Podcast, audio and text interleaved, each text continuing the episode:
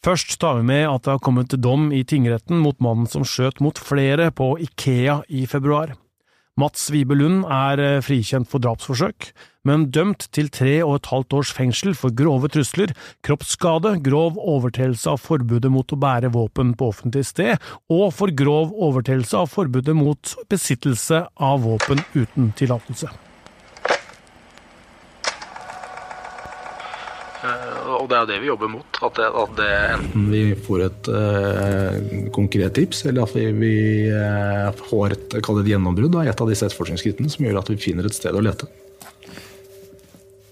Og vi har jo tro på det. Det høres optimistisk ut.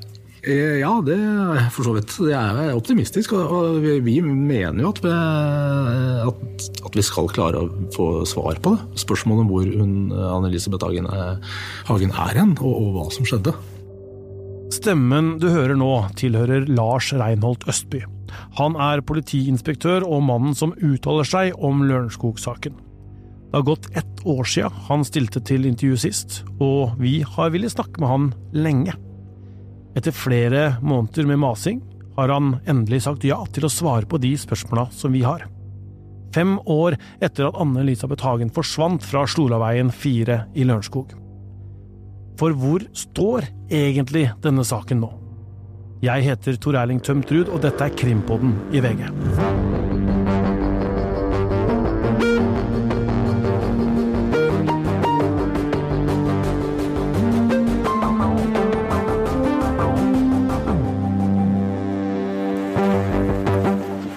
Øystein, Hanna og Simon fra Krimpodens redaksjon sitter på toget på vei til politiet i Ski. Det starter ganske sharp. Vi har tre kvarter. Krimpodden blir vist inn i politimesterens møterom, der politiinspektøren venter. Det er et helt vanlig møterom, med ikke noe skjermer eller plakater eller sånne ting, som vi kan se for oss et politirom er. Reinholdt Østby har på seg politiuniform, et mørkeblått slips og lyseblå skjorte. Han har med seg noen A4-ark med notater, akkurat sånn som Øystein har. Ja, Øystein, jeg måtte jo ut på en eh, liten ferietur, eh, så du måtte ta turen til eh, Ski der uten meg? Det måtte jeg, og ferieturen din var velfortjent, og jeg klarte meg forholdsvis bra uten deg. Ja, det har gått veldig fint, men når du kom dit da, hva forventa du å få?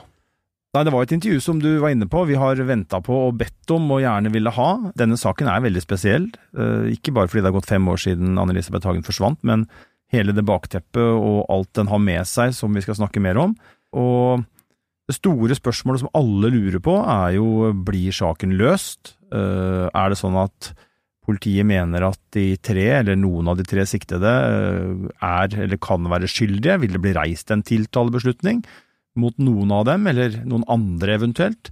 Hvilke spor følger politiet? Hva man, hvilke linjer jobber man etter? Alle disse spørsmålene er jo det er konstant. Eh, og selvfølgelig også er det noe nytt? Har det dukka opp noe mer? Er det noe vi ikke vet, som politiet nå kan meddele? Og Det er bakteppet for at vi ønsker å få snakke med politiet, og, og derfor så var vi jo nysgjerrige, eh, faglig sett. Eh, spente på om det var, var, noe vi kunne bli klokere på. Selv om politiet på forhånd hadde sagt til oss at det var ikke noe nytt, det kom ikke til å bli sluppet noen nyheter der. Men eh, vi hadde jo veldig mange spørsmål likevel. Og så fikk vi da avkrefta en slags konspirasjonsteori om at vi hadde fått munnkurv om å snakke med denne saken her. Ja, og det er jo et Jeg eh, skal ikke si det er et problem, men det er jo mange som spekulerer og lager egne teorier og, og kommer på ulike nettforum med ting som eh, ligger ganske langt fra virkeligheten, for å, for å si det forsiktig. Alt fra at Anne-Elisabeth Hagen kan ha iscenesatt sin egen forsvinning, som det ikke finnes et eneste spor eh, eller tegn på noe sted.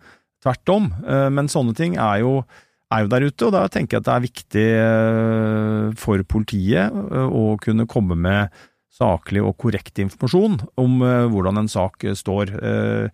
Fordi at Hvis ikke så kan det være sånn at, at det sprer seg og setter seg uriktige oppfatninger og påstander om eh, både ene og det andre i, i Og da snakker jeg ikke om denne saken spesielt, men om krimsaker generelt. Ok, la oss høre. Ja. Skal vi da rett og slett bare starte? Mm. Uh, Da tenkte jeg først å spørre, bare for å få det, uh, din rolle i etterforskningen. Jeg er politiinspektør og seksjonsleder i Øst politidistrikt. Presse, presseansvarlig i saken. Ja, det er greit. Eh, Hvor mange jobber med denne saken nå, og hva slags type ressurser er det snakk om? Ja, vi har eh, siden oppstarten hatt, eh, hatt tilstrekkelige ressurser på saken. Og så har vi da siden byttet bytte av etterforskningsledelse i fjor eh, tilstrebet å ha eh, en, eh, en mer dynamisk, og, men tilstrekkelig bemanning fra Øst politidistrikt. Og vi har et eh, pågående og godt samarbeid med Kripos, og særlig ved NC3 på bistand derfra i, i det såkalte kryptosporet. Her sier eh, Lars Reinholt Østby at de får bistand fra NC3. Eh, Kan ikke du forklare det, Øystein? Jo, det er en forkortelse for Nasjonalt cyberkrimsenter, som ble etablert av Kripos i 2019, eh, altså etter at denne saken oppsto. Eh, Og det nasjonale senteret her, det mm, jobber med forebygging, de avdekker og de bekjemper trusler og kriminalitet på digitale plattformer, og det er jo midt i kjernen av eh, Lørenskog-saken.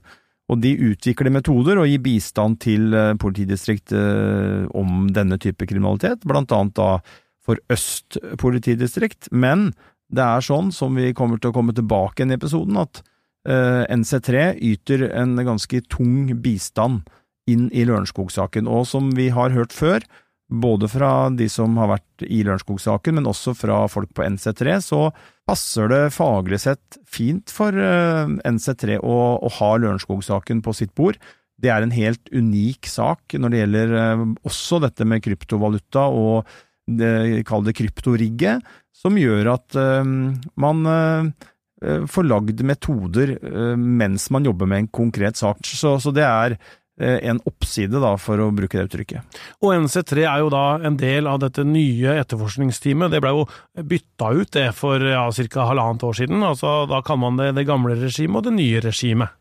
Det stemmer. Det var jo en eh, konflikt. eh, en eh, konflikt ikke om hvordan etterforskningen skulle innrettes eh, på det mer sånn eh, konkrete hold, men det var en konflikt om hvordan man skulle angripe saken rent strukturelt. Det er viktig å si, for det er noen som har misforstått uh, også det. En av tingene som var uenighet om, var at det eh, gamle etterforskningsgruppa de ønska å ha dedikerte ressurser uh, som bare jobba med Lørenskog-saken, og et ganske stort uttak av ressurser fra Øst politidistrikt. Eh, Ledelsen i Øst eh, politidistrikt var fortsatt enig i at denne saken skulle prioriteres veldig høyt, men de så etter såpass lang tid at de hadde behov for å være mer fleksible med ressursene. Det vil si at hvis det oppsto en stor sak i øst, så måtte man kanskje sette eh, etterforskningsskritt i Lørenskog-saken litt på vent, bruke en etterforsker eller to eller tre fra det miljøet inn i en annen sak, få løst den eller få den på rett spor, og så kunne man vende tilbake igjen til Lørenskog-saken for å jobbe videre med den. Så det var en ulik måte å vekte ressursene på som var hovedproblemet der. Og denne nye etterforskningsgruppa og hvordan Politiet Øst legger opp eh, jobbinga med Lørenskog-saken, var jo noe av det vi spurte Lars Reinholt Østby om. Kan jo følge opp tråden der eh, litt uh, utafor egentlig oppsettet da, når du, når du sier det. Hva, hva kan du si om eh, forskjellene mellom eh, det vi kan kalle det gamle regimet og det nye regimet eh, når det gjelder å angripe denne saken? For det første så har vi hatt en god overlapp med den forrige etterforskningsledelsen. Og den nåværende etterforskningsledelsen har jo jobbet eh, med mye av det som lå i saken fra før av. Eh, det handler jo i stor, grad om å få en oversikt. Eh, Det handler om å eh, fullføre de etterforskningsskrittene som var. Eh, og eh, ellers så og at man skulle s- se saken med nye øyne. så er det sammenhenger eh, i dag som man ikke har sett tidligere? Er det spor som lå der som har en annen betydning i dag, eller spor som lå der som kan ses i sammenheng med andre spor som ikke nødvendigvis var like opplagt tidligere? Og ikke minst fullføre de påbegynte etterforskningsskrittene og se de, hvor de fører oss hen. Noen uh, har fått det for seg at dere har snudd bunken og starta nesten nærmest på scratch. Uh, og ikke forholder dere til det som lå der fra før. Hva vil du si til de som har en sånn oppfatning? Nei, bunken er ikke snudd på nytt. Eh, Det er den ikke. Det handler om å, om å fullføre påbegynt etterforskningsskritt. Det handler om, å, om å, å gå tilbake i, i det materialet som ligger der, og se på det med nye øyne og se etter sammenhenger. Men det, men det er et omfattende materiale. Det er rundt 700 vitneavhør. Det er 10 000 såkalte aktiviteter i prosjektet. Eh, Så at det, er, det er et enormt materiale. Så det er, ikke, det er på ingen måte slik at man bare kan snu det på og begynne på nytt. Eh, Og det gjelder, eh, det gjelder flere av det kalde hovedetterforskningsskrittene. Altså både eh, krypto, eh, video eh, og flere. Så det riktige oppsummeringa der er at dere har, har i stor grad fortsatt det samme linja som eh, forrige regime, men at dere selvfølgelig med nye øyne kan se visse ting eh, litt annerledes. Ja, det er, stor, det er egentlig kort oppsummert. Også at det har en eh, At den i større grad er dynamisk ressurssatt nettopp for å også ivareta de behovene Øst politidistrikt har fra før av, som ligger utenpå denne saken. Hvor står denne saken nå, vil du si, etter eh, ja, fem år etter at Anne-Elisabeth Hagen forsvant? Uh, Saken den, den fortsetter å ha den prioriteten den har i Øst politidistrikt. Vårt mål og det vi styrer etter, er jo fortsatt å, å bringe klarhet i hva som skjedde med Anne-Elisabeth Hagen. Uh, og få svar på de og på de sentrale spørsmålene vi har. Og det er fortsatt det vi styrer etter. Og vi mener jo fortsatt at det det er derfor eh, vi har ressurssatt saken på den måten vi har også, og vi har den eh, bistanden fra NC3 og Kripos. Um, og så har vi eh, god dialog med mm, statsadvokaten, nå senest for kort tid siden, der, der vi har fått tilslutning til den etterforskningsplanen og de veivalgene vi har tatt, og, og den planen som er lagt for videre fremdrift. Og at den er i tråd med både nasjonale og internasjonale forpliktelser med tanke på med tanke på det å være, være siktet i en straffesak over den tiden som tross alt har, gått. Hva kan du si om den planen dere har fått aksept for, og hvordan den eh, vil arte seg? Ja, Det handler jo om å, om å fortsette langs de aksene som vi har uttalt tidligere, og som, vi, som ligger fast. Og Det er jo å fortsette arbeidet med kryptosporet, fortsette arbeidet med åstedet, eh, med video og, eh, og de sentrale etterforskningsskriftene knytta til eh, elektroniske spor osv. Er det noe tidsperspektiv på dette her? Det er ikke et konkret tidsperspektiv, annet enn at vi må være bevisst på den tiden som har gått, hvor lenge det er eh, akseptabelt å være siktet i en så alvorlig sak, straffesak. Vi må se hen til de forpliktelsene som følger av nasjonale og internasjonale forpliktelser, type EMK osv. Eh, og at det, er, at det er en relevant og god nok fremdrift i de etterforskningsskrittene vi foretar oss, sånn at vi nettopp ivaretar hensynet til fremdrift og kvalitet i saken. Og Der har statsadvokaten nylig gitt sin aksept Ja. eh, i forhold til hva dere tenker framover.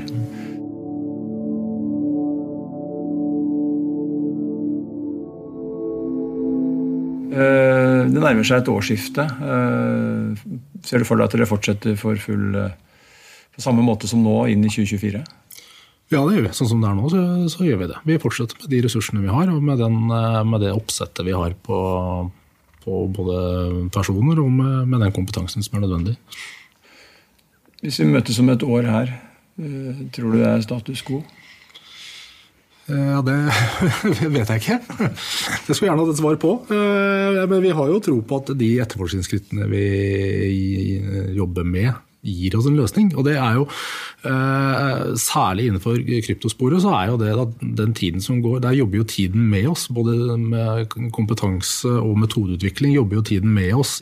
Hvorfor det? Eh, Det er nettopp fordi at både mm, systemer, programvare, eh, kompetanse, både hos oss og andre deler av eh, si, denne delen av samfunnet, den utvikler seg i voldsom fart. Vi har jo tro på at den kompetansehevingen og systemutviklingen også kommer oss til gode i vår evne til å analysere kryptosporet.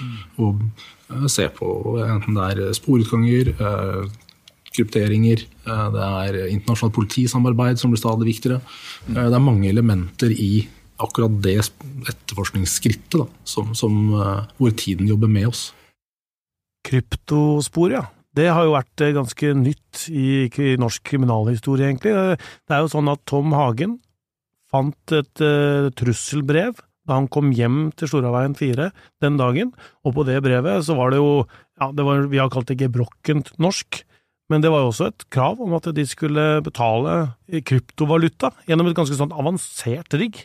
Ja, dette var noe politiet aldri hadde sett før. Eh, Det var eh, et langt brev eh, hvor det sto hva som angivelig skal ha skjedd, nemlig at Anne-Elisabeth Hagen var bortført, og at hun komme, kunne komme hjem igjen dersom Tom Hagen innfridde dette kravet som den antatte motparten hadde satt. Og Det handla da om å betale Monero til en verdi av 9 millioner euro.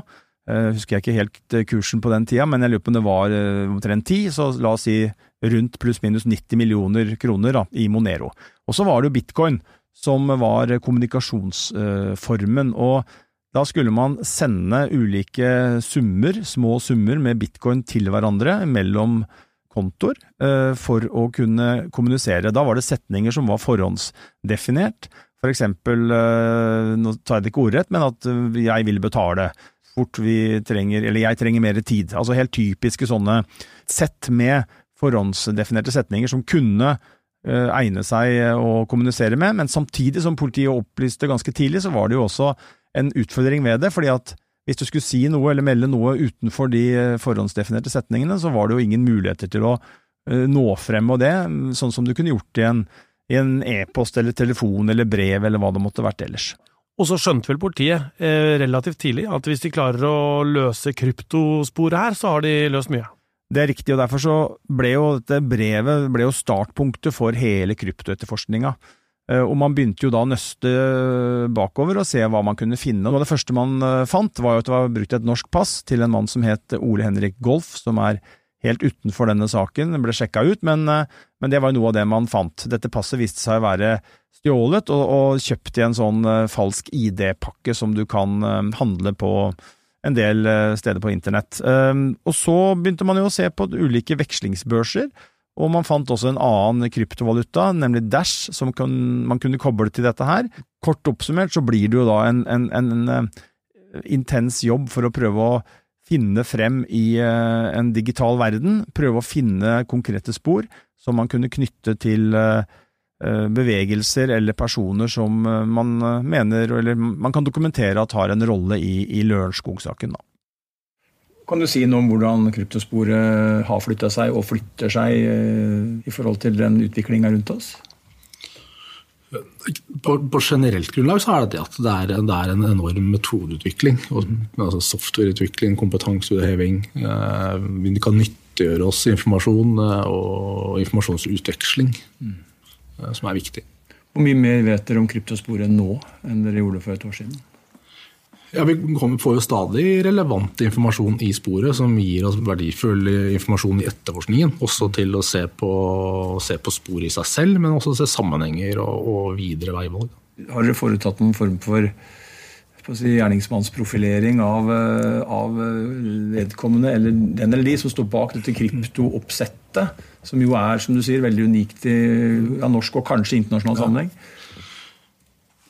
Nei, det er, så vidt meg bekjent så, så, så jobbes det med, med kryptospor i den, i den tekniske retningen. Hva er, hvor har eh, overføringene og oppsettet Hvordan er det dette henger sammen? Hvem er det, hvor er det dette, dette fører oss hen? Eh, tilstrekkelig langt tilbake i den verdikjeden eh, det som er satt opp. Hvilke hypoteser jobber dere etter eh, nå, da? Ja, nå er det fortsatt, Den hovedhypotesen ligger jo fast. At eh, Annelise Hagen er, er drept eh, eller, og, og bortført. Ja, er, jo, er, det en, er det en hypotese, eller er det to? Ja, nei, altså, det, Hovedhypotesen er jo at hun eh, er drept, og, med, og nærmere om og si, tid og sted og hvordan. Det er jo en del av måte, underliggende problemstillingen. Ja, Men hovedhypotesen er drap fortsatt. Ja. Hva er det som gjør eh, denne saken så vanskelig? Eh, er, det, er det dette kryptosporet, eller er det mer måten det har skjedd på åstedet, og finne ut av hvem som har vært der. Eh, kan du si noe om det? Egentlig alle de momentene du trekker fram som gjør at den blir spesiell. Er, for, for, det første, så, så, så, slik vi står nå, så vet vi jo ikke hvor hun er. Vi vil gjerne finne Anne-Elisabeth Hagen. Mm. Uh, og, og, så er det dette kryptosporet med det brevet. Det er, det, er, et avansert og komplisert kryptooppsett. Uh, som for så vidt er meg bekjent ganske Eh, om ikke unikt, så i hvert fall veldig, veldig spesielt. Eh, og så er det det at vi, vi, eh, Det å komme til bunns i, i det åstedet på de alminnelige kriminaltekniske undersøkelsene er, er krevende. Mm. Hvorfor det? det er, vi jobber jo fortsatt med åstedet, og det med analyser og undersøkelser knyttet til bevegelser og til, til hva som kan ha skjedd i Sloraveien. Mm. Kvelden før Anne-Elisabeth Hagen forsvant, så var jo hun og ektemannen på teater i Oslo. De tok taxi hjem. Eh, de la seg, og våkna da litt for seint, eller eh, hvordan var det der, eh, Øystein?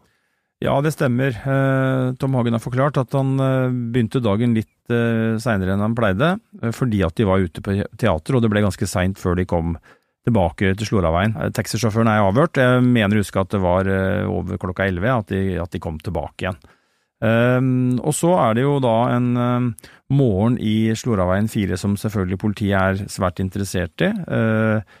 Mange spørsmål man, man, stiller seg, blant annet om det er noen mistenkelige bevegelser rundt huset. og Der kan vi jo med en gang snakke om denne bilen på gangveien som er en del av dette videoprosjektet.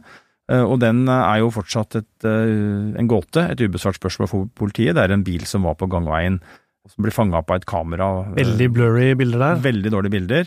Men det er jo da rundt, rundt klokka ni. I tillegg så er det jo noen telefonbevegelser til og fra Anne-Elisabeth Hagens telefon. Det er noen samtaler, blant annet med en ansatt hos Tom Hagen. Og så er det da denne 914-samtalen som vi har snakka om før, og som politiet fortsatt mener er det siste livstegnet fra Anne-Elisabeth Hagen. Da er det jo sånn at Tom Hagen har jo dratt på jobb når denne 914-samtalen uh, finner sted. Man har jo ikke noen nøyaktig tidspunkt for når han drar hjemmefra, men man vet jo at han kom til Futurum næringspark, og så har ikke vi det eksakte tidspunktet for det, men vi har Eh, fått bekrefta at det skjedde mellom klokka 09.10 og da 09.14, som er denne samtalen, eh, da denne samtalen eh, mellom Anne-Elisabeths telefon og et familiemedlem finner sted.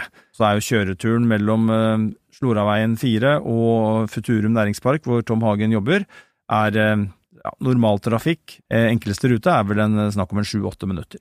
Og så veit vi jo at uh, Tom Hagen har da prøvd gjennom eh, dagen å få tak i kona si, og uten, uten, å lykkes, så han drar jo tilbake der og finner ikke henne, men finner dette brevet som, som vi snakka om i stad. Han kontakter da politiet likevel, og når krimteknikerne liksom da endelig kommer inn i huset, hva er det de finner? De finner jo flere ting, og de finner det de mener er relevante spor også. Eh, men vi kan, jo, vi kan, jo, begynne med at eh, det ligger noen klær på dette lille, jeg kaller det toalettet, i første etasje, som politiet mener kan være et sentralt åsted. Det er, det er, også et brevark, da, som du sier, eller flere brevark, men også en konvolutt som dette trusselbrevet ligger i, eller om i hvert fall ligger sammen med. Og så finner man en strips. Man finner etter hvert skoavtrykk fra det som viser seg å stamme fra en sprokksko i størrelse 45. Man har funnet eh, to ringer og klokka til eh, Anne-Elisabeth Hagen. Det lå under brevet på denne røde stolen som eh, sto i, Sloraveien. Eh, og så har man da funnet mindre blodmengder fra Anne-Elisabeth Hagen. Og det siste som vi har omtalt, eh, er jo da også et storfemøkkspor som gjorde at politiet har lett etter henne på, på, gårder med storfedrift. Det var jo da to papir eh, med, med det som ekspertisen har funnet ut, var eh, storfemøkk. Og så er det også sånn at åstedet inneholder spor og, opplysninger som ikke er nådd offentligheten, og som nok politiet holder tett til brystet. Så det er en rekke spor her da, som politiet har brukt til å finne en tidslinje? Ja, en tidslinje og et hendelsesforløp, og så handler det om å analysere disse sporene og bevisene, og forsøke å sette det i en sammenheng, som jo også Reinhold Østby snakker om. Har politiet en formening om et hendelsesforløp og en tidslinje, og i så fall hvor konkret og presis oppfatter dere at den eh, er? Så vidt meg bekjent så har vi vel bekreftet det vi antar er siste sikre livstegn. og Det er på en måte det vi har av skjæringspunkt på tidslinjen. Mm. Eh, og så jobber vi jo med de tekniske undersøkelsene eh, på, fra åstedet. Eh, for å danne oss et bilde av hva er det som kan ha skjedd på stedet. Eh, og det, De etterforskningsskrittene vi gjennomfører, de gir oss fortsatt relevant informasjon i dag. Um, men noe nærmere med å konkludere akkurat hva som har skjedd og i hvilken rekkefølge, det er det for tidlig å komme og si noe om. Men sånn, eh, En ting er hva du kan si, men, og, men, men, men har politiet en oppfatning om et drapstidspunkt f.eks.? Ja, det er såpass detaljert at det kan jeg ikke komme inn på akkurat nå. Så Det får vi eventuelt komme tilbake til. Men, men vi jobber jo med altså, åstedet. Mm. Sloraveien som et åsted. Mm. Uh, I den forstand at uh, der har noe åpenbart skjedd. Mm. Uh, og hva, hva, som har skjedd der, og akkurat når og hvem som var der, det er jo det vi prøver å bringe klarhet i. Det er sikkert noen som lurer på og spør seg om hva kan, hva kan politiet få ut av et åsted fem år etterpå? Kan du ta oss litt med inn i, i hva slags uh, arbeid man kan eh, holde på med ja, etter fem år? Ja, Vi jobber jo med kriminaltekniske undersøkelser i, litt generelt. Og der er jo for så vidt også et, et, moment av tiden jobber med oss. De kriminaltekniske kapasitetene utvikles jo stadig. Enten det er eh, evne til å eh, analysere fysiske spor, særlig DNA-teknologi. Eh, og ikke minst se spor i, i sammenheng. Eh, så, så utvikler jo vi også vår kapasitet og evne til å gjøre nettopp det. Og det er jo et av de områdene hvor kanskje tiden jobber også med oss. Da, da er det mye snakk om å, å på en måte jobbe med de sporprøvene dere har tatt i, på stedet. og på en måte sammenligne, analysere og tenke rundt det. da. Ja, ja. Det er, og det er også ressurskrevende, altså tidkrevende eh, etterforskningsskritt. Det å, å gå igjennom eh, og analysere og, og identifisere nye etterforskningsskritt basert på de sammenhengene vi kan se i dag. Hva er de største utfordringene dere støter på når dere jobber med disse sporene nå i, i 2023? Eh, ja, det er å, å eh, både identifisere dem og, og, eh, og prioritere, prioritere, mellom dem. Og, og, vurdere om de hva, hva, er det som ligger i sporet, sett opp mot det vi ellers sitter med av informasjon. Er det vanskelig å skille det som kan være, eller er relevante spor i forhold til det som tilstøtte Anne-Elisabeth Hagen, og det som ikke er spor, i et sånt åsted som et, som et bolighus? Det, et, det, blir jo sikret enormt mye materiale fra, eh, fra et åsted som Floraveien. Mm. Eh, og, og, det å analysere det og, og sette det i kontekst, mm. og, og, da samtidig eh, gjennomføre nye undersøkelser på, på materialet, det er krevende, krevende etterforskningsskritt. og teknologisk krevende.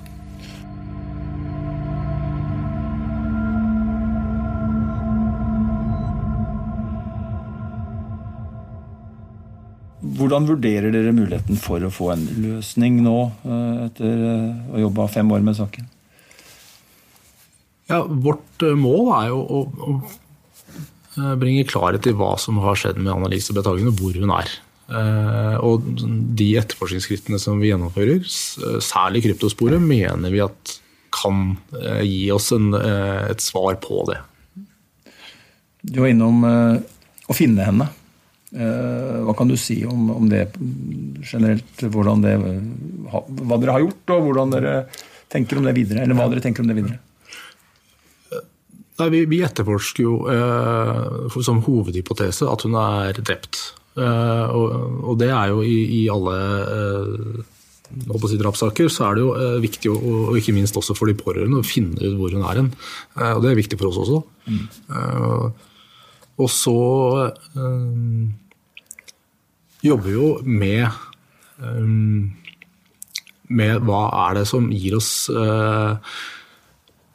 retning på akkurat det spørsmålet. Eh, og vi får masse tips eh, fortsatt på hvor hun kan være. Vi har en lav terskel for å utføre søk. Eh, vi har søkt flere steder, og noen tips er å si, mer konkrete enn andre. Men, men det, vi må analysere de tipsene vi får og sette dem inn i en kontekst, og se om de måte, har støtte også i andre, andre momenter vi vet om. Et av de mest seiglivede ryktene som jeg oppfatter ute der ute, er at uh, noen har fått det for seg at Snø er et uh, aktuelt sted hvor et lik kan være gjemt. Uh, er det noe politiet har tenkt over? Snø er jo et skisenter ved Lørenskog, hvor man kan stå på ski om sommeren. Det er innebygd, et ganske svært skisenter som ligger i en bakke der. Og da er det altså tips om at hun ligger begravet der. Ja, det er jo mange som tipser, og det er mange opplysninger, eh, tanker og teorier, og en av dem eh, som vi har fått mange meldinger om, og som vi derfor tok med oss til eh, politiet for å få synspunkter derfra, var jo det at Snø, skianlegget, ble bygd på den perioden som Anne-Elisabeth Hagen forsvant, og flere har jo tipsa og tenkt og lurt på om det er sånn at en gjerningsmann kan ha kvitta seg med et lik da på anleggsplassen. Og det mm, vet man jo ikke om kan ha skjedd. Så politiet kan ikke si om de har sjekka eller gjort noe konkret med det tipset? Nei, og det er jo veldig vanskelig å sjekke det i et så stort anlegg eh, med så mye som er så digert. Så tror jeg det er veldig vanskelig å, undersøke det uten at man har noe veldig konkret. Dette Ås-sporet som han snakker om her, det er jo da en kvinne som eh, så en rød bil hvor det var en dame i baksetet, og denne kvinnen mente at denne dama ropte om hjelp eller noe sånt, og hun ble da sett i Ås på Østlandet. Ja, det er en observasjon som det har vært en del fokus på, eh, og vi hørte jo hva Reinholt Østby svarte på det. Min eh, tanke er at dette er et spor som politiet ikke bruker veldig mye ressurser på. De har gjort de undersøkelser som man kan gjøre, men har ikke klart å berike det som han sier. Altså, de finner ikke noe støtte noe annet sted for at dette kan være et, eh, en observasjon som handler om eh, Anne-Elisabeth Hagens forsvinning. Og så er det min, mitt inntrykk at politiet nok sitter på andre spor, andre bevis, som de ser på som langt mer interessante, og som nok får mer fokus enn eh, en det sporet her. Vi er også kjent med det, det tipset og den hypotesen. Og, men, men eh, å bekrefte, bekrefte eller avkrefte noe utover det, enn at vi er godt kjent med det, det så tror jeg vi, det er, det er, vel situasjonen der. Eh, det samme med si, det såkalte Ås-sporet, altså, i bilen i Ås. Ja. Eh, andre ting, det de undersøkelsene vi har foretatt rundt det, har ikke klart å bringe oss nærmere svaret på at hun var i Ås på det aktuelle tidspunktet. Det er, vi har ikke informasjon som støtter den hypotesen. Vil det si at dere mener det er lite sannsynlig at, at det sporet er et eh, si, riktig spor i vår sak? Vi har i hvert fall ikke klart å, å, berike det med noe annen informasjon som vi sitter på. Eh, så det er, eh, det er så langt har kommet i det, i det tipset.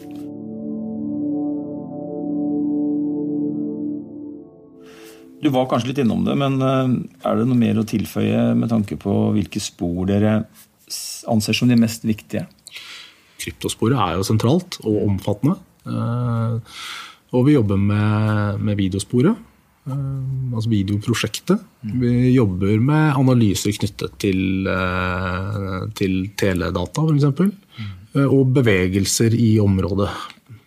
I det som kan være et relevant tidsrom. Fysiske Også, bevegelser? Ok, så da har du dette snøtipset, og du har dette åstipset, men det er jo ting som er mer konkret, og du har eh, video av to personer som beveger seg utafor arbeidsstedet til eh, Tom Hagen der, som de ikke veit hvem er. Ja, det er de såkalte Futurum-mennene som jo uh, dukka opp på, og, som du sier, overvåkingskameraene. Og det spesielle med de to som vi har snakka om før, er jo bevegelsen deres. Og det er jo gjort etterforskningsskritt flere ganger rundt disse to, men særlig den ene som snur ja, midt i bildet og går opp igjen samme veien som han kom ned, er jo veldig, veldig rart. Det kan være logiske grunner til at folk snur, men, men, at det skulle skje akkurat den dagen, akkurat der, foran det kameraet, det syns i hvert fall jeg er veldig spesielt. Og politiet er jo nå helt åpne på at de ønsker fortsatt informasjon om disse mennene, og at de gjerne skal få dem identifisert for å kunne sjekke ut eller inn. Ja, og, og blant annet da de såkalte Futurum-mennene som var oppe en periode. Vi, vi, vet fortsatt ikke hvem disse er. så Det er jo informasjon vi fortsatt er interessert i å, å få full klarhet i. Så Det er på en måte ikke noe dere har Det er ikke, det er ikke noe dere har sjekka ut av denne saken? Nei, de har ikke sjekket ut. Og det er uh, rett og slett at vi, vi, ikke har identifisert dem. Og da mm. er vi også interessert i å gjøre nettopp det. Mm. Um, og Det er jo også noe av den oppgaven som etterforskningsledelsen sitter i. Det er jo å, å, å sjekke ut spor også. Altså, hva, er kan, hva, er det vi kan, lukke? Så var det jo da på våren i fjor, Øystein, hvor vi vasa rundt i eh, flere bunnprisbutikker i Oslo sentrum, og som fikk oss til å tenke på kontantkort igjen. Det var eh, noen SIM-kortspor som ble veldig viktige i denne saken. Ja, for det viser seg jo at et konkret telefonnummer var brukt i denne forberedelsesfasen i kryptorigget, som en del av kryptorigget, og det var jo nummeret 40 74 56 68. Dette var sammen med en falsk e-postadresse, det var sammen med det golfpasset, altså Ole Henrik Golf sitt stjålne pass, som han hadde brukt, brukt disse ingrediensene, for å, for å kalle det det Eh, og da var jo spørsmålet, eh, er jo mange her, hvem har hatt hånd om eh, Ole Henrik Golfs stjålne pass? Der er det jo to personer som politiet har sikta på ulikt grunnlag, som de mener har hatt, hatt, det, bare for å illustrere på den måten. Og så er man jo på jakt etter hvem som har oppretta den e-postadressen. Det er kanskje verre å finne ut av. Men så fant man jo etter hvert ut at dette telefonnummeret det, et, hadde vært et kontantkort altså som du kan kjøpe eh, for 29 eh, kroner var vel prisen for det her. Eh, og så er jo spørsmålet hvor er det solgt, og hvem har kjøpt det. Og Der begynte man å jakte, og så ble da først bunnpris, som du var innom, i Iladalen et landingssted for politiet. At der hadde ligget en, en nummerserie som strakk seg fra 56 til 76, og da snakker vi om de siste to sifrene. Og så klarte jo politiet å luke ut en del av disse 20 ved å finne ut av eh, hvem som hadde hatt de og hva de var brukt til, og kunne sjekke dem ut. Men man sto igjen, eh, da vi jobba med det sporet her for over et år siden, så sto jo politiet igjen med en del uh, uidentifiserte uh, brukere, eiere, og man hadde vel heller ikke helt kontroll over uh, hvor de hadde tatt veien, disse, denne nummerserien, fordi at noen visste man var solgt og kunne som sagt kartlegge, men det var jo sånn at Bunnpris i Illadalen de stengte dørene på et tidspunkt, og da var man ikke sikker på om alle SIM-kortene var solgt når det skjedde, og det var jo da også et spørsmål om hvor har resten av bunken tatt veien, dersom det var sånn at alle ikke hadde blitt solgt. Eh, og da fant man jo ut at eh, bunnpris på Grønland var et aktuelt sted, og så jobba man rundt det. Og da vi forlot dette sporet før sommeren i fjor, så visste jo ikke politiet hvem som hadde kjøpt og brukt 40 74 56 68. Det er jo et drøyt år siden dere gikk ut, eller det var jo jeg sier dere, politiet, eh, med, med disse SIM-kortene. Mm. Og begynte å jakte på, på den, i den retning også. Kan du si noe mer om, om hvordan det har gått det siste året? Um, det, etterforskningen av um, SIM-kort uh, som ble vel omtalt som dette bunnprissporet, det, det har vi ikke klart å, å endelig avslutte. Eh, det er, et, eh, det er, et, spor som er gått ganske langt ut, men vi, vi, er ikke helt i mål med akkurat det sporet. Hvor det SIM-kortet eller SIM-kortene har tatt veien. Har du tanker om at dere kan komme til å klare det? Ja, vi, vi har jo forsøkt å snevre inn det som er av relevante muligheter og etterforskningsskritt. og vi, vi, håper at vi kan få klarhet i det. Men eh, i dag så har vi ikke klart å, å, bringe endelig klarhet i akkurat det sporet. Og når du sier å bringe klarhet i det, så, så handler det om å sitte igjen med en person som har hatt det fysisk eh, brukt det. Mm. I en etterforskning så deler politiet det opp i, veldig ofte i hvert fall, i ulike prosjekter, og det er det sånn også her i Lørenskog-saken. Blant annet så er det noe som kalles videoprosjektet.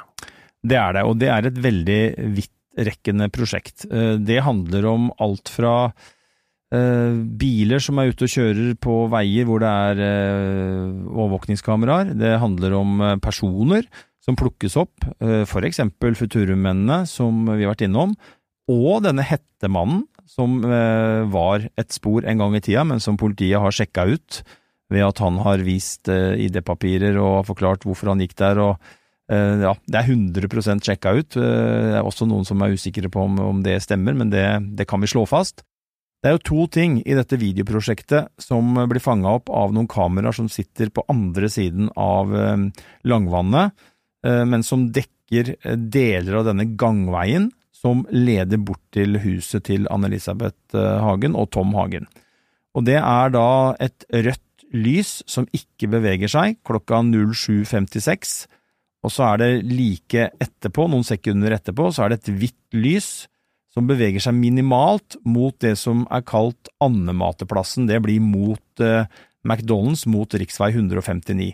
Politiet antar at dette er et kjøretøy, så altså 0756 så er det, som politiet ser det, et kjøretøy på gangveien, men det er helt umulig på det videomaterialet som foreligger, å se hva slags type bil, farge, størrelse, man ser bare et lys.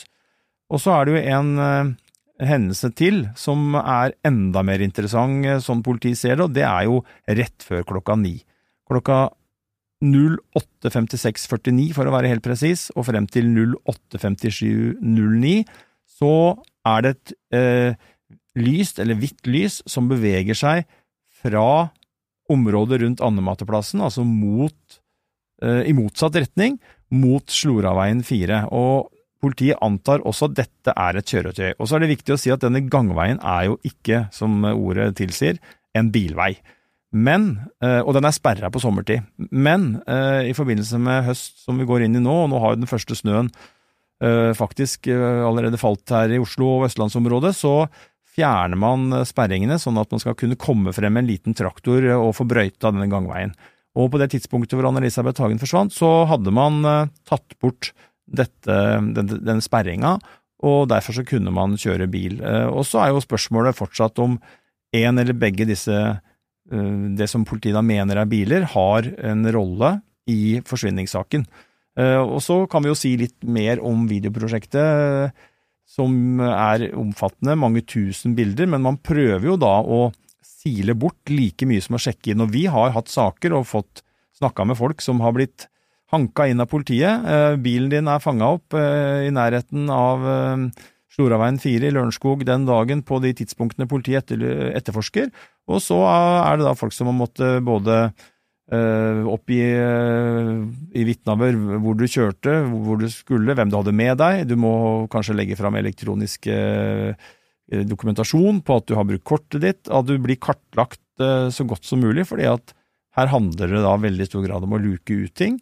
Og så syns jeg i hvert fall at det er interessant, og det kan jo lytterne høre på sjøl. Jeg mener at det er en liten uh, interessant nyanse i det Lars Reinholt Østby snart sier nå, nemlig at man har uh, Han snakker om videoprosjektet og sier noe i retning av at man uh, etter fem år kanskje kan se noen observasjoner eller noen bevegelser i videoprosjektet med nye øyne, fordi at man vet mer nå enn man gjorde da. Og det tenker jeg er veldig interessant og spennende, for det kan tyde på at man har funnet noe i videoprosjektet som nå er mye mer hett enn det så ut til å være i starten. Videoprosjektet har vi også vært innom. Ehm, hva kan du si om, eh, om både omfang og historikk og veien som ligger foran dere på det området? Videoprosjektet har vært eh, og er blant de mer omfattende etterforskningsskrittene. Det er mm, mange mange timer med video fra et stort område. Eh, det har også vært der etterforskningsledelsen har vært i den posisjonen at de kunne se om er det, er det da eh, informasjon på disse videoene man ikke har eh, festet seg ved tidligere? Er det sammenhenger som, ikke, som er der i dag, men som ikke har vært der tidligere? Eller er det informasjon som har kommet til saken de siste fem årene som gjør at det man nå ser, gir annen, eh, annen verdi? Eh, men det er, et, eh, det er et enormt materiale som, eh, som heller ikke er ferdig det er etterforsket fullt ut. Kan du si noe om liksom hvor, hva stort område snakker vi om? Eh, Ja, konkret det har jeg ikke på men, eh, akkurat her og nå, men, men det, er et, det er et større område eh, i diameter fra Sloraveien. Det er det. Og det er, det er klart, det er, fem år etter så er det jo ikke noe Jeg har grunn til å tro at det er, det er ikke noen ny video som vi kan komme over. Nei. Handler det videoprosjektet bl.a. om å lete etter eh, biler som er relevante, f.eks.?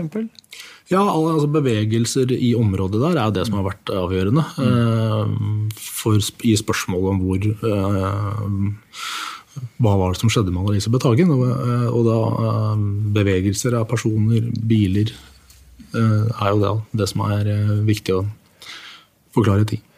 Vi hadde jo eh, denne mannen som gikk eh, forbi eh, Metrosenteret bl.a., og som det var en del oppmerksomhet rundt, som jo meldte seg og sjekka ut etter å ha vel vist fram både identitet og alt mulig rart. Det er fortsatt noen som også lurer på om det er sjekka ut, men det, det blei vel helt sjekka ut. Er det noen spesielle, interessante observasjoner av eh, bevegelser i videoprosjektet som dere sitter med nå? Hvilke konkrete vurderinger som foretas, det er ikke noe vi ønsker å, å kommentere direkte, men det er jo relevante etterforskningsskritt og analyser som gjøres i videoprosjektet i dag, og, og sammenstillinger som gjør at eh, det også i videoprosjektet jobbes videre, og, og man ser sammenhenger som gir videre etterforskningsskritt. Sånn at vi har en aktivitet i, i videoprosjektet i dag som, som er en del av den aktive etterforskningsledelsen som også på en måte ligger i den planen fremover. Men Du kan ikke si noe om det er noen person eller bil som på en måte utmerker seg som dere har tanker om der? Nei, nei, altså Ikke utover det du nevnte i stad om disse futurumennene, som vi eh, forsøker å identifisere. og Ellers er det også det er jo analyser i videoprosjektet som vi, vi mener er relevant en dag i dag, og som gir verdi til den vurderingen at vi skal ha en aktiv og, og eh, effektiv etterforskning som går fremover. Språksporet, da? Ja, Det er eh, også et, eh, et prosjekt der vi eh, ikke har endelig klart å bringe det klarhet i, det språksporet. Um, og som er blant de etterforskningsskrittene som, som det var eh, mye fokus på, men som vi, vi ikke har klart å komme i mål med slik det er nå. Er det da lagt bort? Nei, det er ikke lagt bort, men det er et av de etterforskningsskrittene som vi ser at vi har, vi har eh, gjort ganske mye uten at vi har klart å bringe endelig klarhet i det språksporet. Brevark? Og stripsen, da? Ja, Tripsen går vel inn under det vi kan kalle kriminaltekniske undersøkelsene. så Det er for så vidt det samme med brevarket. Altså. Men, eh, Så der er det det å sammenstille de sporene. Det, der er vi, det er også aktiv etterforskning som ikke er avsluttet. Så For et år siden drøyt år siden så gikk man ut og sa at man hadde funnet ut en del om type printer. Eh, Er det, er det jobba videre med? Det må vi eventuelt komme tilbake til. Ja. Er, ja. Og så trusselbrevet. Eh, Hva er status på det i dag? Det går inn i, i, inn i det kriminaltekniske undersøkelsene. På nærmere analyser. Nettopp. Og så har jo VG publisert en, en eh, sak om eh, en av de søkene dere har gjort i forhold til storfe. Er det noe du kan si noe mer om, eller? Ikke utover at vi, vi, vi mottar jo tips om mulige, mulige steder der uh, Annelise Betaling skal befinne seg. Og, og, og vi har, uh, basert på det vi selv også finner i etterforskningen, og analyser som, som kan gi oss mulige steder der hun kan befinne seg. Og så har vi lav terskel for utføresøk, utføre søk når vi mener at det er, er relevante steder som av en viss, hvor vi sitter på noe informasjon som gir retning. Eh, Så, men um, konkret på antall søk og hvor vi har søkt, det eh, ønsker vi ikke å, å si noe om. Men, men vi eh, har lav terskel for å utføre søk. Du snakker om søk. Hvordan vurderer dere muligheten for å, for å finne henne? Hva er det som skal til for å klare det etter fem år?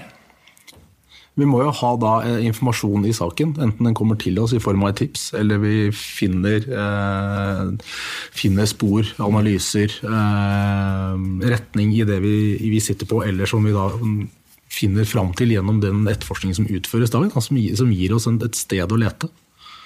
Eh, og det er det vi jobber mot. At, det, at det enten vi får et uh, konkret tips, eller at vi, vi uh, får et, et gjennombrudd i et av disse etterforskningsskrittene som gjør at vi finner et sted å lete. Og vi har jo tro på det, uh, ut fra det vi holder på med, og at vi, vi har den, det oppsettet på etterforskningen som, som er i dag. Det høres optimistisk ut. Eh, ja, det er for så vidt. Jeg er optimistisk. Og vi mener jo at vi, at, at vi skal klare å få svar på det. Spørsmålet om hvor hun, Anne-Elisabeth Hagen, Hagen, er hen, og, og, hva som skjedde. Eh, det er målet med, med etterforskningen. Politiet har sikta tre menn i denne saken her? Det er riktig, det er jo tre siktede i denne saken. Det er jo da Tom Hagen som ble pågrepet først, og som noen vil huske så ble han løslatt etter at lagmannsretten, to dommere der, mente at det ikke var skjellig grunn til mistanke. Altså det var mindre sannsynlig at han er involvert i denne saken enn motsatt. Og så Den siste dommeren mente da at det var skjellig grunn til mistanke, men her er det et simpelt flertall, og dermed så ble Hagen løslatt. Men han har vært sikta i tre og et halvt år, nå går forsvareren hans Svein Holden ut og sier at det ikke er noe i etterforskningsmaterialet som skulle tilsi at han er skyldig i denne saken. Han skriver i en pressemelding jeg mener det er snart på tide at saken mot ham henlegges.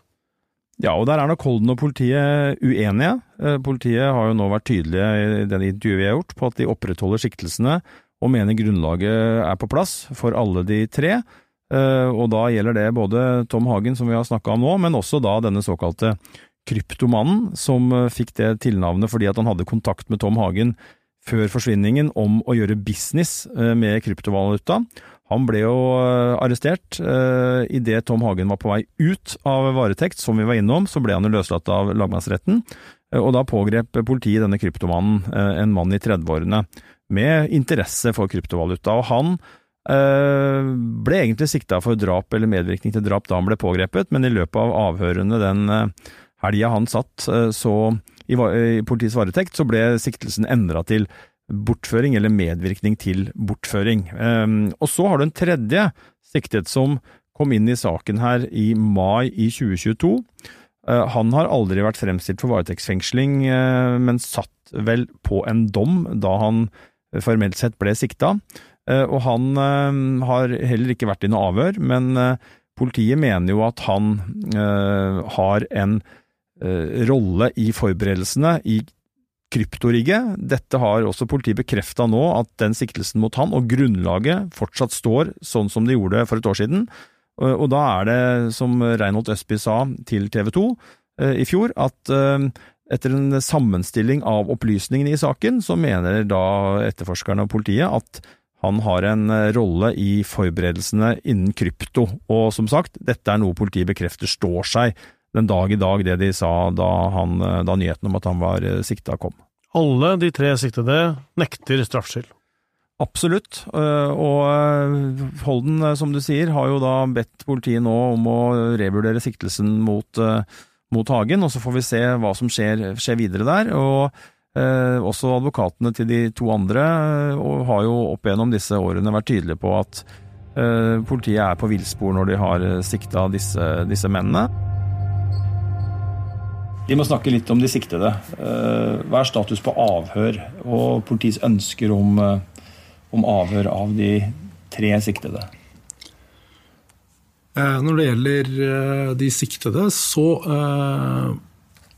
er vurderingen knyttet til spørsmål om hvor lenge man kan være siktet i, en, i denne type sak. En, en dialog vi bl.a. har med statsadvokaten. Og og, vi har fått en tilslutning til at den planen for videre etterforskning som er skissert, er i tråd med de forpliktelsene som hviler på oss, både nasjonalt og internasjonalt. Og så er det i spørsmål om avhør, eh, så er det en dialog vi har med forsvarer i saken om, eh, om, om det spørsmålet. Kan du si noe om det? Eh, er det sånn at dere ønsker avhør av, av Tom Hage? Eh, vi har dialog med forsvarer om eh, avhør, og så får vi komme tilbake til om det lar seg gjøre. Og når det gjelder den såkalte kryptomanen, eh, han som ble tatt ti dager eller hva det var, etter Tom Hagen, bare for å presisere hvem, hvem vi snakker om, hva er status på for han, og er det ønske om avhør av han? Eh, Når det gjelder avhør og andre etterforskningsskritt knytta til de siktede, så, så er det en, en dialog vi har med, med forsvarerne om, om det spørsmålet. Og så ønsker jeg ikke å komme- inn på konkret eh, den dialogen eller, eh, eller fremtiden for det. Anne-Elisabeth Hagen er savna av familien. Hun hadde barn, hun hadde barnebarn og en ektemann. Den familien var i konflikt med politiet. Det stemmer at det ble dårlig øh, klima mellom politiet og familien. Eh, det kom jo blant annet et brev fra et familiemedlem, et av barna, som uh, ytra seg veldig kritisk til eh, politiet og politiets arbeid, Eh, og man ønska heller ikke å stille i avhør. Eh, det er det jo eh, ingen av de siktede som eh, har gjort, og så er vi ikke helt sikre på om alle har fått eh, forespørsel, men det er i hvert fall et faktum at ingen av dem er avhørt. Eh, Og det er også sånn at barna heller ikke er avhørt eh, på ganske lang tid. Eh, Og så sier jo nå Reinhold Østby til oss at politiet mm, forsøker å ha et bra forhold til familien, og at noe av grunnen til at de har vært tause, handler om at de vil beskytte familien som er i en ekstremt vanskelig situasjon, med da en mor og en bestemor, ektefelle, som er savna, og man vet ikke hva som har skjedd. Hva vil du si om eh, forholdet mellom eh, familien, eh, Hagen og politiet i dag? Ja. Ehm, Vi, vi har en god dialog, tror jeg, med, med både forsvarere og bistandsadvokat i, i saken. Og så får vi For den dialogen og nærmere innholdet i den, det ønsker vi å holde på et sånt nivå at vi, vi opprettholder den gode, gode dialogen, og at vi får komme tilbake til det spørsmålet hva det gir. Er det noe som du eller dere eh, på det nåværende tidspunkt eh, tenker at dere gjerne skulle gjort annerledes i løpet av disse fem årene denne helt spesielle saken har pågått? Eh, Jeg tror nok det spørsmålet kommer til å bli stilt etter hvert. Hva er, er det noe som kunne vært gjort annerledes? Og, og det er nok et spørsmål som man må være må, si, både være bevisst på, og ikke minst eh, ta når den tid kommer. Eh, Politiet i dag generelt har innført eh, erfaringslæring som en, som en strukturert måte å evaluere både pågående og avslutta straffesaker på. Eh, så, dette, så det er et spørsmål som, som eh, helt naturlig nok vil komme en gang i fremtiden.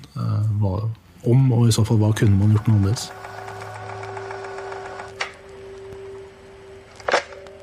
Så sånn gikk det da du møtte politiet, Øystein. Vi har venta et eh, års tid på å få et sånt eh, intervju. Hva sitter du igjen med? Nei, det var mange greie avklaringer, syns jeg. Eh, Først og fremst så merker jeg meg at eh, sånn jeg leser Reinhold Østby, så er han veldig klar på at denne saken eh, trolig skal kunne løse. Og det er jo interessant eh, etter et år med, med ganske sånn eh, Ja, det har jo ikke skjedd noe. Eh, Det har vært eh, stille, og man kan jo lure på om man er i ferd med å trappe ned, eller at man har kjørt seg fast, eller hva det måtte være. Men jeg merker meg jo det.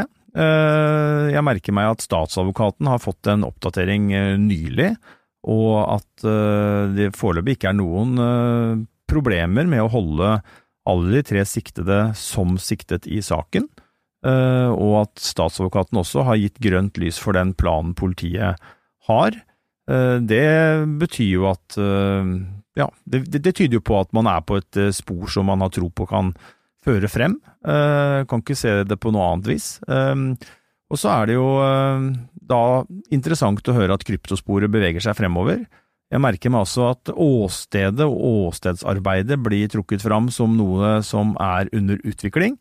Eh, Og jeg eh, har også notert meg at videoprosjektet eh, som vi var inne på tidligere i episoden, så ser jeg ikke helt bort fra at politiet har funnet noe i videoprosjektet som de da faktisk ser et annet lys når det blir sagt på den måten, så tenker jeg i hvert fall i den retning at her har, det, her har man fått på plass mange brikker. Som vi har vært innom, så er det mye informasjon, og det, det handler jo veldig mye om å luke ting ut her.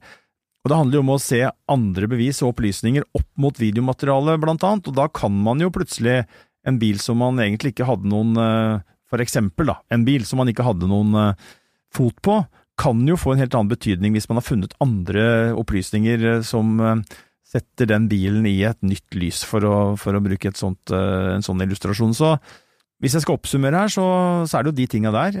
Så sier jo Reinhold Østby at etterforskning fortsetter med stor styrke inn i 2024. Uh, og, men samtidig så er det jo klart at man kan ikke fortsette i det uendelige. Så jeg, jeg, jo, jeg jo, tenker jo at hvis vi sitter her med et år, så er jeg jo usikker på Hvis det ikke har skjedd noen ting da, så er jeg usikker på om, man, om det er det samme svaret at ja, vi fortsetter enda et år, og det, vi kjører på og vi holder de samme sikta, og, og statsadvokaten er helt enig, og det, og det går fint. Det er jeg usikker på. For det er jo sånn at man, for å holde noen sikta, så må man ha et, et grunnlag som gjør at det er rimelig å holde deg sikta. Og så er det også uavhengig av tidsperspektivet. Du kan ikke, selv om det skulle være et grunnlag for å si at Tor Erling Tømt Ruud er uh, sikta for uh, et eller annet, så kan man ikke bare holde deg sikta uten å avklare den, selv om som sagt grunnlaget for å, å holde deg sikta skulle vært til stede. Og så er det sånn at vi kan ikke vente kanskje et år på hver gang politiet kommer med noe. Jeg synes det skriker etter mer informasjon, for det er jo to kritiske spørsmål her som kanskje er en motsetning, og det er jo hvorfor har dere ikke løst saken, og hvor lenge kan dere holde på? Ja, jeg tror jo at uh, politiet nå er inne i en fase hvor uh, uh, man venter på en del analyser, og at det er en del prosesser som tar litt tid.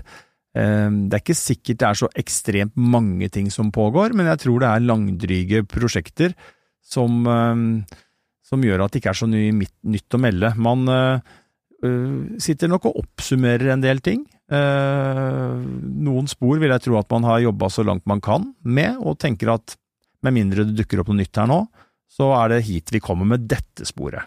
Så kan det være andre spor, som vi har hørt om i episoden, som ikke er gått ut enda, men som det pågår arbeid i. Og så må man jo, tenker jeg, eh, sluttføre det ene prosjektet etter det andre. og når man til slutt kommer dit at man har tatt eh, alle, så må man jo oppsummere. Og jeg, jeg tror jo ikke at man kan være sånn ekstremt langt unna å ha oppsummert ganske mange av de prosjektene. Så jeg, jeg må jo si at uh, hvis det ikke skjer noe nytt og det er noen uh, nye signaler at uh, Enten at det ja, kommer nyheter, eller at politiet melder at nå har vi sendt saken til statsadvokaten, vi er ferdig etterforska i løpet av 2024 eh, for å legge på enda noen måneder, så begynner jeg å lure på hvor denne saken eh, er på vei. Samtidig så er det flere som jeg har snakka med som ikke jobber i Øst eh, politidistrikt, som sier at det er helt utopisk å tenke seg at de kan bruke så mye ressurser og ha et sånt trøkk på en sak, hvis de ikke har helt konkrete ting, og at det håpet som vi har hørt Reinhold Østby snakke om, er berettiga. Eh, ressursmangelen i politiet hører vi om stadig vekk. Eh, prioriteringen er knallharde, og da kan man ikke, selv i Lørenskog-saken, sitte og jobbe med ting som man ikke tror vil føre fram når det har gått så lang tid. Tror du saken blir løst da? Ja, jeg tror saken blir løst. Jeg tror ikke at politiet da ved Lars Reinholt Østby hadde gått så offensivt ut og vært så tydelige som jeg opplever dem er nå, hvis ikke muligheten for å løse denne saken er veldig, veldig store. Denne episoden er laga av Simon Lynhaug. Krimpodden består også av produsent Vilde Våren, Hanna Espevik, Ruth Einvoll Nilsen, krimkommentator Øystein Milli og meg, Tor Erling Tømtrud. Nyhetssjef er Emilie Halltorp.